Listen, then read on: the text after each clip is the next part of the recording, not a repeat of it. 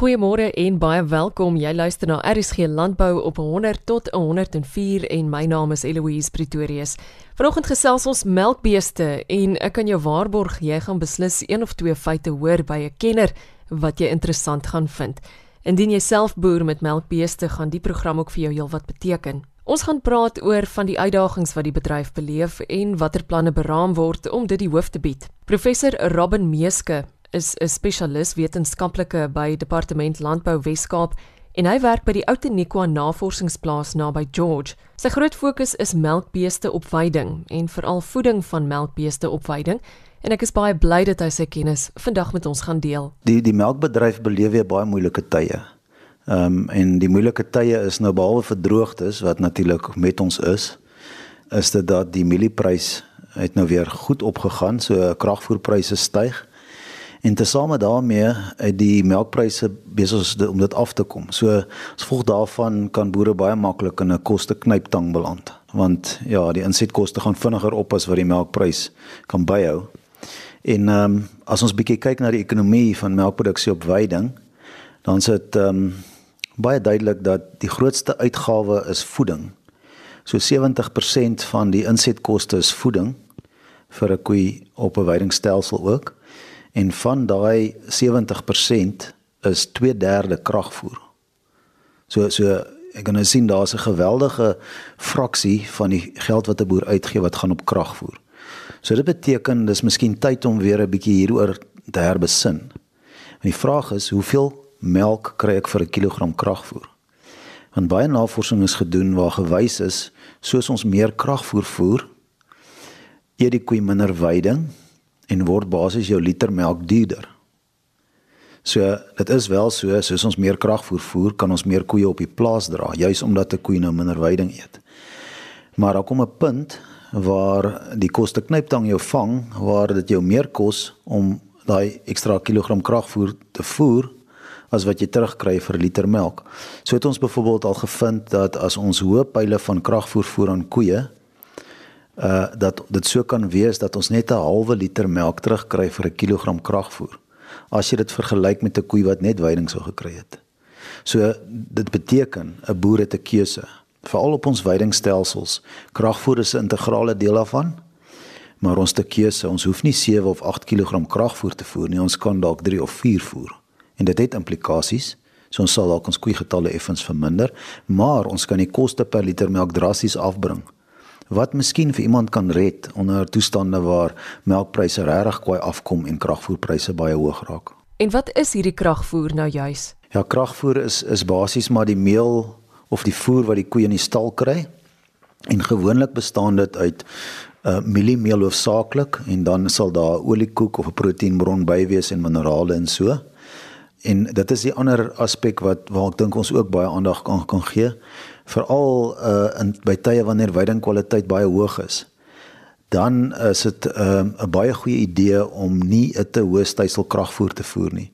Ons het 'n verskeidenheid van proewe gedoen waar ons mielies vervang het met hoë vesel byprodukte, iets soos uh, omnichop, semels, gluten. Ons het nou pas 'n proef gedoen waar ons sojaboondoppe ingesluit het en 15 en 20 15 en 30% van die mielies vervang het met hierdie doppe en melkproduksie het nie geval nie. En inteendeel, uh proteïen in die melk het gestyg. Meeste van die tyd by baie melkkopers word ons vergoed vir um kilogram proteïen en kilogram vet. So die oomblik as jy 'n hoër vaste stof in jou melk kan kry, dan het jy hoër melkpryse. So so wat ons eintlik gevind het, hoë vlakke van stysel gaan nie baie goed saam met hoë kwaliteit veiding nie. So die die, die kragvoer is basies wat die koeie in die stal kry. Veiding en kuilvoer is ook twee verskillende dinge. Professor Meeske verduidelik. Ja, ons ons stelsel is heeltemal gebaseer op veiding, maar eh, die veiding se groei tempo varieer deur die jaar. Ons groei tempo op veiding is ongeveer 20 kg droommateriaal per hektaar per dag in die midwinter, so Junie, sê maar Junie maand. En dan kan ons en dit beteken ons kan net eintlik 2 koeie op 'n hektaar dra. En as ons hier in lente kom en ons gaan op na 60 of 70 kg droommateriaal per hektaar per dag groei tempo, dan kan ons sê 7 koeie op 'n hektaar dra. So wat natuurlik nou maar eh, maar logiese gevolg is, ons moet voorsiening maak vir daai maande wanneer die groei tempo laag is en ons oorbrug dit met kuilvoer dan. So en ons maak maar kuilvoer van surplus gras en anders boere plant weer mielies en maak kuilvoer daarvan. So ehm um, die kuilvoer is ook 'n baie dis dan 'n baie kan 'n baie belangrike komponent wees van die stelsel. Want as mens uit drievoer uithardloop, dan beteken dit nou moet jy lucern inkoop of jy moet koeie verkoop. Maar en en lucern eh, kan dikwels 3 keer so duur wees as veiding. So dit is ekonomies maar nie so baie goeie scenario nie. Hy sê ook die jaarlikse inligtingsdae wat by die Outeniqua Navorsingsplaas gehou word, is 'n bewys dat melkbooie in ons land passievolle mense is wat hard werk en wonderlike bydraes lewer. Hy sê ook dis vir hom belangrik om boere reg oor ons land te ondersteun en dis juist die navorsing wat op hierdie plaas gedoen word wat hulle in staat stel om so te maak.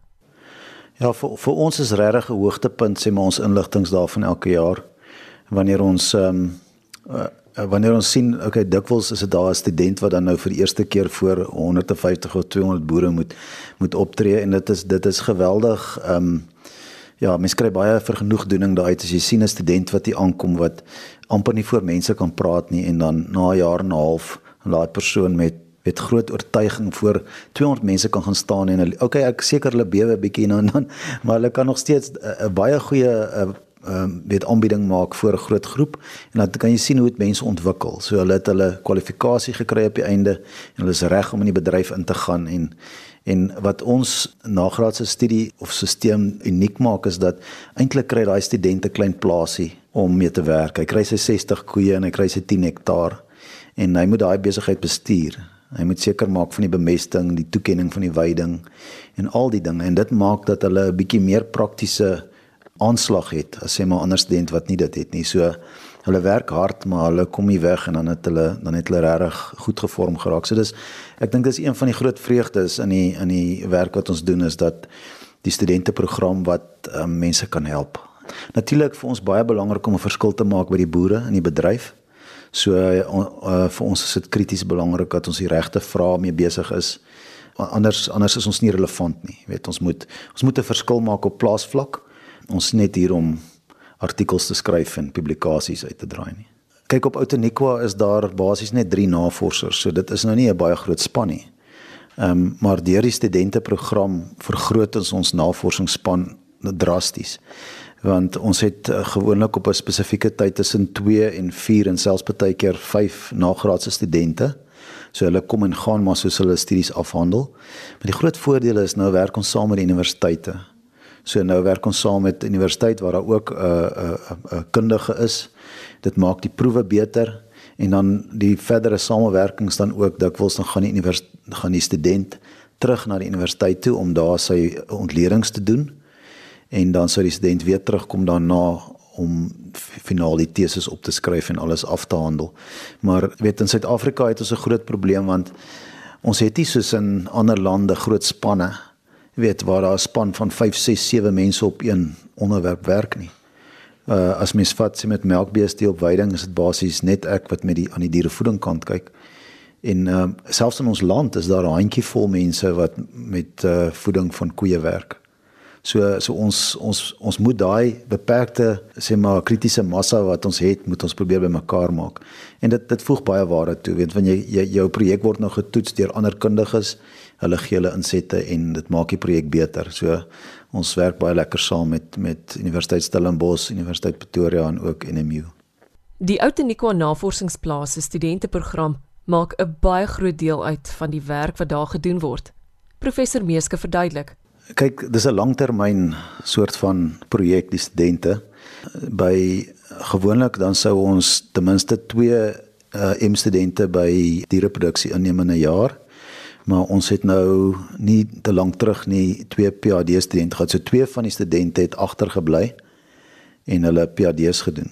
En nou PhD is amper dieselfde as 4 MSc's in terme van werksomvang en en intensiteit. So ehm um, dit het beteken dat ons nou as gevolg daarvan het ons nie op die oomblik so baie ons ons het nou basies twee sê maar trust studente van buite af maar dis maar 'n kwessie van studente kom en gaan en uh, ons gaan weer vorentoe kyk dat ons sien maar 2 of 3 ten minste studente het wat uh, ons program verstewig want kyk die ander idee ook van die studente is dat hulle ondersteun mekaar. So Ek help jou met jou proef en jy help my weer later met my proef. So dit dit's 'n ekstra tegniese want hulle hulle is baie verantwoordelik vir ook praktiese insette op hulle proewe. So ons ons hoop hierdie of ons glo hierdie program gaan nog baie baie nuwe studente uitdraai en ehm um, ja, en is 'n groot geleentheid vir jong mense. En dit is een van die groot uitdagings waarvoor Robin en die res van die span hard werk om 'n oplossing voor te vind. Een van ons groot uitdagings is die die skifting van melk wat 'n wat 'n probleem is met langlewe melk waar ons 'n antwoord voor probeer kry om beter te verstaan presies hoekom gebeur dit en hoe kan dit voorkom word want die proteïen in die melk is dan nie so stabiel nie en dit dit sak basies uit of dit koaguleer. Ja, en dit skep 'n groot probleem vir uh, vir die bedryf as daar 'n klontjie melk as 'n as 'n klontjie in jou koffie dryf dan dan word daai melk afgekeur en teruggestuur.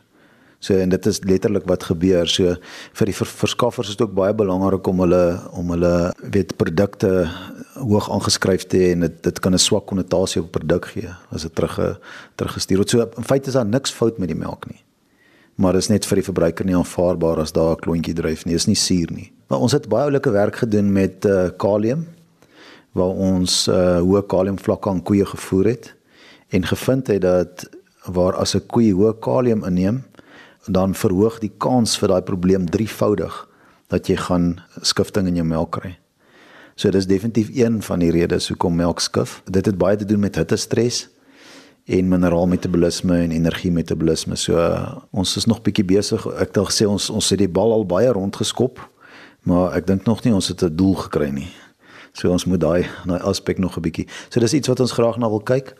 Dan sien ons uit na 'n uh, proef waar ons saam met die weidingspan werk waar ons met plantaan gaan kyk na uh, waar koeie plantaan en raaigras kry as as hulle veiding bron. Uh hoe moet ons die kragvoer aanpas? So uh, ons gaan weer kyk na verskillende kragvoer samestellings en en hoeveel plantaan kan 'n dier nou eet en wat gebeur in sy pens as hy nou 'n bietjie te veel plantaan eet? As die pens nou te suur raak, dan werk als nie meer mooi nie. Ja, so ons sien baie uit na daai spesifiek daai proef. En dan het ons ook 'n proef meer met vleisbeeste wat ons wil kyk na afronding van vleisbeeste op ook 'n mengsel van plantaan en sigury, maar ons het nog 'n paar struikelblokke om te oorkom in terme van ons klein vleisbeeskuddetjie en ons moet nog die plantaan en die sigury mengsels vestig. Verder is dit maar altyd 'n uitdaging om die kudde eh, goed bestuur te hou en als reg te kry. Ons het 'n baie goeie span wat ehm um, daarmee te werk gaan.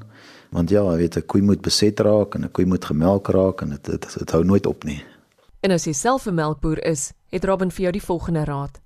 Ek dink die belangrikste ding is om eh, krities terug te staan en te kyk waar gaan my insetkoste na toe en maak seker dat dit wat jy insit dat jy ekstra daarvoor terugkry. Met ander woorde, die finansiële bestuur is geweldig belangrik.